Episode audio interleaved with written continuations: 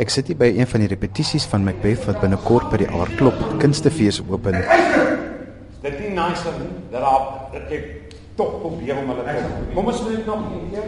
Kom ons doen gou sommer die hele ding Charlton van jou. Ek weet nie hoe dit ons Ja, kom ons hoor wat sê David Minnar van hoe hy die proses ervaar. Ja, dis natuurlik 'n reuse uitdaging. Jy weet, dit is een van die groot klassieke rolle in wêreldliteratuur. So, ehm um, dis 'n wonderlike geleentheid om ehm um, 'n kans te kry om om dit aan te pak uh en veral onder Martinus Basson se regie uh, is dit 'n uh, heerlike uh, kreatiewe uh, uh proses. Anna Mart van der Merwe speel vrou Macbeth. Hoe vertel ons van jou rol en hoe dit anders is om dit in Afrikaans te speel as in die Engelse weergawe? Ehm um, ek dink dis anders in Afrikaans omdat dit jou moedertaal is, so dit maak net soveel sin en ek dink werklik dat ehm um, vir my Shakespeare is is aards en is asof Engels sommer 'n ligter voet amper gee, wil ek my verstout om te sê. So dis Afrikaans bring vir my Shakespeare terug aarde toe. Hy skryf oor mense, sy verstaan van karakters en die menswees en die mense boosheid en goedheid. En Shakespeare vertaal baie goed vir my in Afrikaans. Uh ook ook miskien Afrikaans se idiomatiese natuur. Ehm um, so die beskrywingskrag wat wat Afrikaans het, dink ek pas baie mooi by Shakespeare ook. Nou uitemaal het hierdie stuk vertaal in 1965 al vir die Stellenbosch Shakespeare fees en nou repeteer jy ook op Stellenbosch. Hoe ervaar jy die proses om met hierdie stuk te werk en veral ook met Martinus wat dan nou ook sy 40ste jaar vier in die bedryf? Ja. Dit dis nogal regtig 'n baie wonderlike en 'n groot geleentheid en ek dink so jy nou praat daar's baie sirkels en goeders wat bymekaar kom. Daar's my verskillende lae van ervaring. Dit is 'n wonderlike opdragwerk om Martinus as kunstenaar te vier en as as 'n baie unieke, uiters belangrike en besondere stem op ons in Suid-Afrika se dink ek kunsgeskiedenis.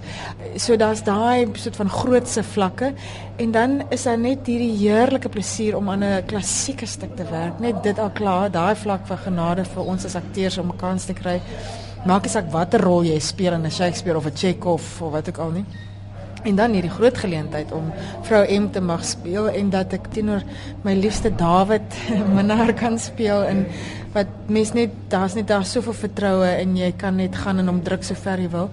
En dan onder leiding van Martinus wat op so geweldige organiese en op soveel vlakke manier ehm um, regie gee is dit is werklik vir my 'n 'n baie baie stimulerende ervaring, maar op meer as dan net 'n vlak van ek die akteur wat 'n karakter moet vertolk.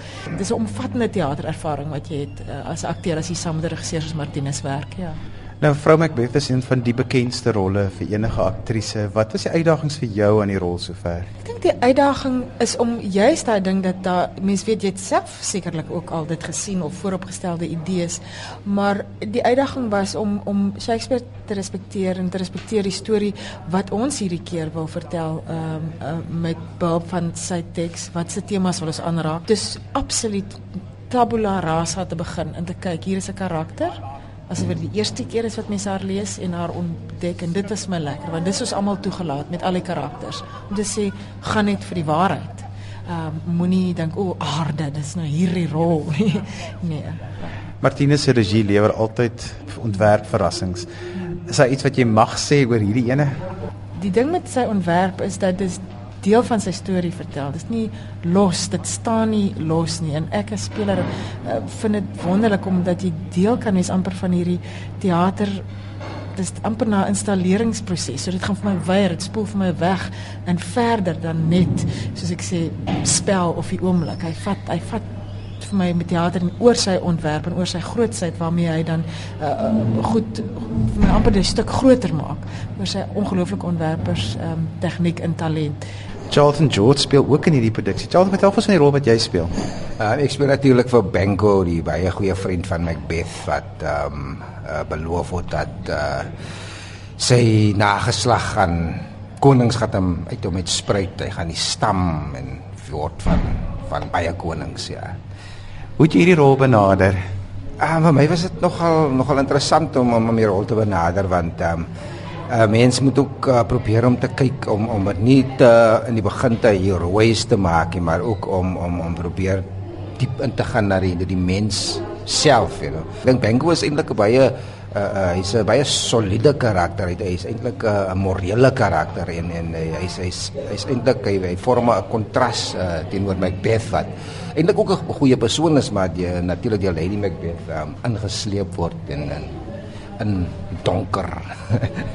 Stean Bam is ook deel van die produksie. Stean, vertel vir my van jou karakter wat jy speel en hoe jy dit ervaar om Shakespeare in Afrikaans te doen. Uh eerstens Eintlik het 'n fantastiese vertaling gedoen as jy die Afrikaans hoor wat gepraat word. Ek meen dit is op argaïs nie, maar dit is 'n uh, dit is daar's die mooiste mooiste woorde wat nie meer gebruik word nie, maar wat jy hoor en wat so wonderlik is is as ons dit regtig reg kry dat die taal oorkom asof dit normale spraaktaal is en jy hoor hoe hoe iemand soos Dawid of Anna Martie die taal hanteer. Ek dink gaan jy so geskok het maar regtig die mooiste woorde wat uitkom en en dit is wat so fantasties is van Eintewal wat wat die vertaling gedoen het en Shakespeare dat dit sulke mooi taal is. Ehm um, ek sien ek speel Macduff so my my rol is baie spesifiek in wat wat gebeur. So ja en in die konstruksie is dit maar moeilik om baie vinnig te sê, maar almal almal ons ons is geheel as die koor op 'n manier, almal behalwe die twee eh, die Macbeth en Lady Macbeth is daar om om verskywings te doen vir hulle. So dis maar ons funksie. Ek sien Martinus besonder so net nie verby met messe en swaarde. Is nie op pad na 'n braai toe nie. nee, nee, dis die dolk vir die vir die, vir die moord van Duncan en is fantasties daar gaan 'n hand. daar gaan Duncan se hand wat afgekap word. wat so wonderlik van die produksie is dat daar op alle vlakke vir jou iets is. Visueel is daar iets. Die die die AV wat gebruik word praat 'n storie. Die musiek het sy eie storie en dan die storie se eie storie. So soos gewoonlik gee Martinus vir jou meer as wat jy veronderstel te kry. Senzo Marikanis ook in hierdie produksie. Senzo, dis jou eerste professionele produksie. Vertel vir ons van die ervaring. Sover, dit is dis hemels want dit is groot name wat ek saam mee ek werk. En ja, en net om te sien hoe hulle werk en hoe ek dan hopelik 'n beter akteur wees. Dit is een van daai dinge wat we can really say once in a lifetime. Ludwig Binge speel ook in die produksie. Ludwig, vertel my wat die rol is wat jy speel en hoe ervaar jy dit om saam met hierdie groot akteurs in hierdie stuk te speel? Ek speel Malcolm. Dit is die koning Duncan se oudste seun. Um he's the rightful heir to the throne. Dit is 'n geweldige voorreg en 'n geleentheid om te leer om met die ouer akteurs te werk. Natuurlik is dit ook intimiderend. Um maar mens kom maar daaroor. Maar ek dink die lekkerste ding van die proses is net om te kan terugsit en kyk hoe hulle werk. Die gemak waarmee hulle karakters oordra en hoe hulle die taal hanteer. Ehm um, so dit is nogal dis regtig 'n leerskool vir vir jong spelers soos ek. Ja, maar as dit lekker vakansie Die akteurs begin hulle om te arriveer en dit raak nou lekker besig hier. So Antoinette Kellerman speel ook in die produksie. Antoinette, vertel vir ons van jou rol want jy speel 'n anderste rol. Ja, ek speel Duncan, koning Duncan wat doodgemaak word deur um, Macbeth. En dan speel ek in die tweede ek nou met die tweede helfte nou as ek nou weer opstaan, jy weet. Dan um, speel ek 'n 'n 'n 'n joernalis, 'n TV-joernalis of soort van. Maar jy weet ons almal verskuif tussen Duncan kom weer terug en doen iets, maar uh, jy's die hele tyd verskillende mense en jy's vers op verskillende plekke en ons verskuif die ruimtes om die twee hoofkarakters. In filmtaal sou sê ons is extras. Maar grootte griet, ons is belangrike extras. Vertel my van die uitemaal stuk want dit is mos nou vertaal en dit is vir 'n spesifieke doel vertaal. Hoe ervaar jy dit? Dit is die beeldskoonste vertaling waarmee ek nog gewerk het. Dit is die maklikste vertaling. Dit val op jou mond, dit val van jou tong af. Jy hoef nie in jou business te werk om dit sinvol oor te dra nie, want dit is klaar daar. Dis regtig. Toe ek die eerste keer gelees het, ek net so, dis so mooi, moenie karring aan hierdie vertaling nie asseblief nie, dis te mooi. En is verstom as jy dink hoe oud die vertaling is.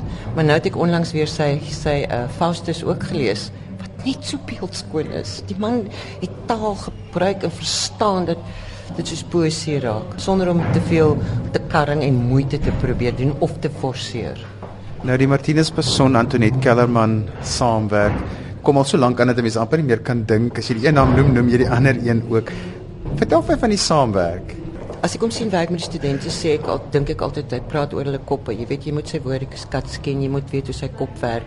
Ehm um, jy moet jou regie kry, jy dikwels deur net in te sit as hy ander mense regisseer. Dis hoe ek met hom werk. Dis 'n vertrouensverhouding tussen my en Martinus.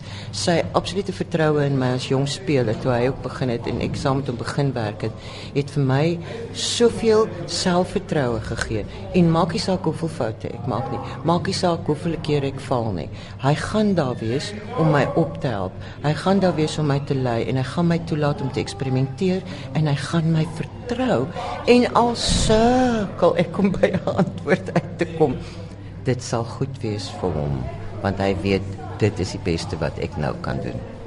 Wanneer 'n mens saam met iemand werk wat hoogs begaafd is, dan sê hulle baie keer die wreedste goed vir 'n mens. Wat is die wreedste ding wat hy al ooit vir jou gesê het? Ek het een aand aan die huil twee keer al. Ek het al paar keer gehuil in repetisies met hom met verskeie goed. Die eerste keer was met lang dagreis. Ehm um, na die nag het ek moed opgegee. Ek het aan twee produksies gewerk en klasse gegee. Ek was so moeg. Ek het geen weerstand gehad nie. Ek het my woorde vergeet en ek werk saam met Marius en Stean. Jy weet, dis groot mense.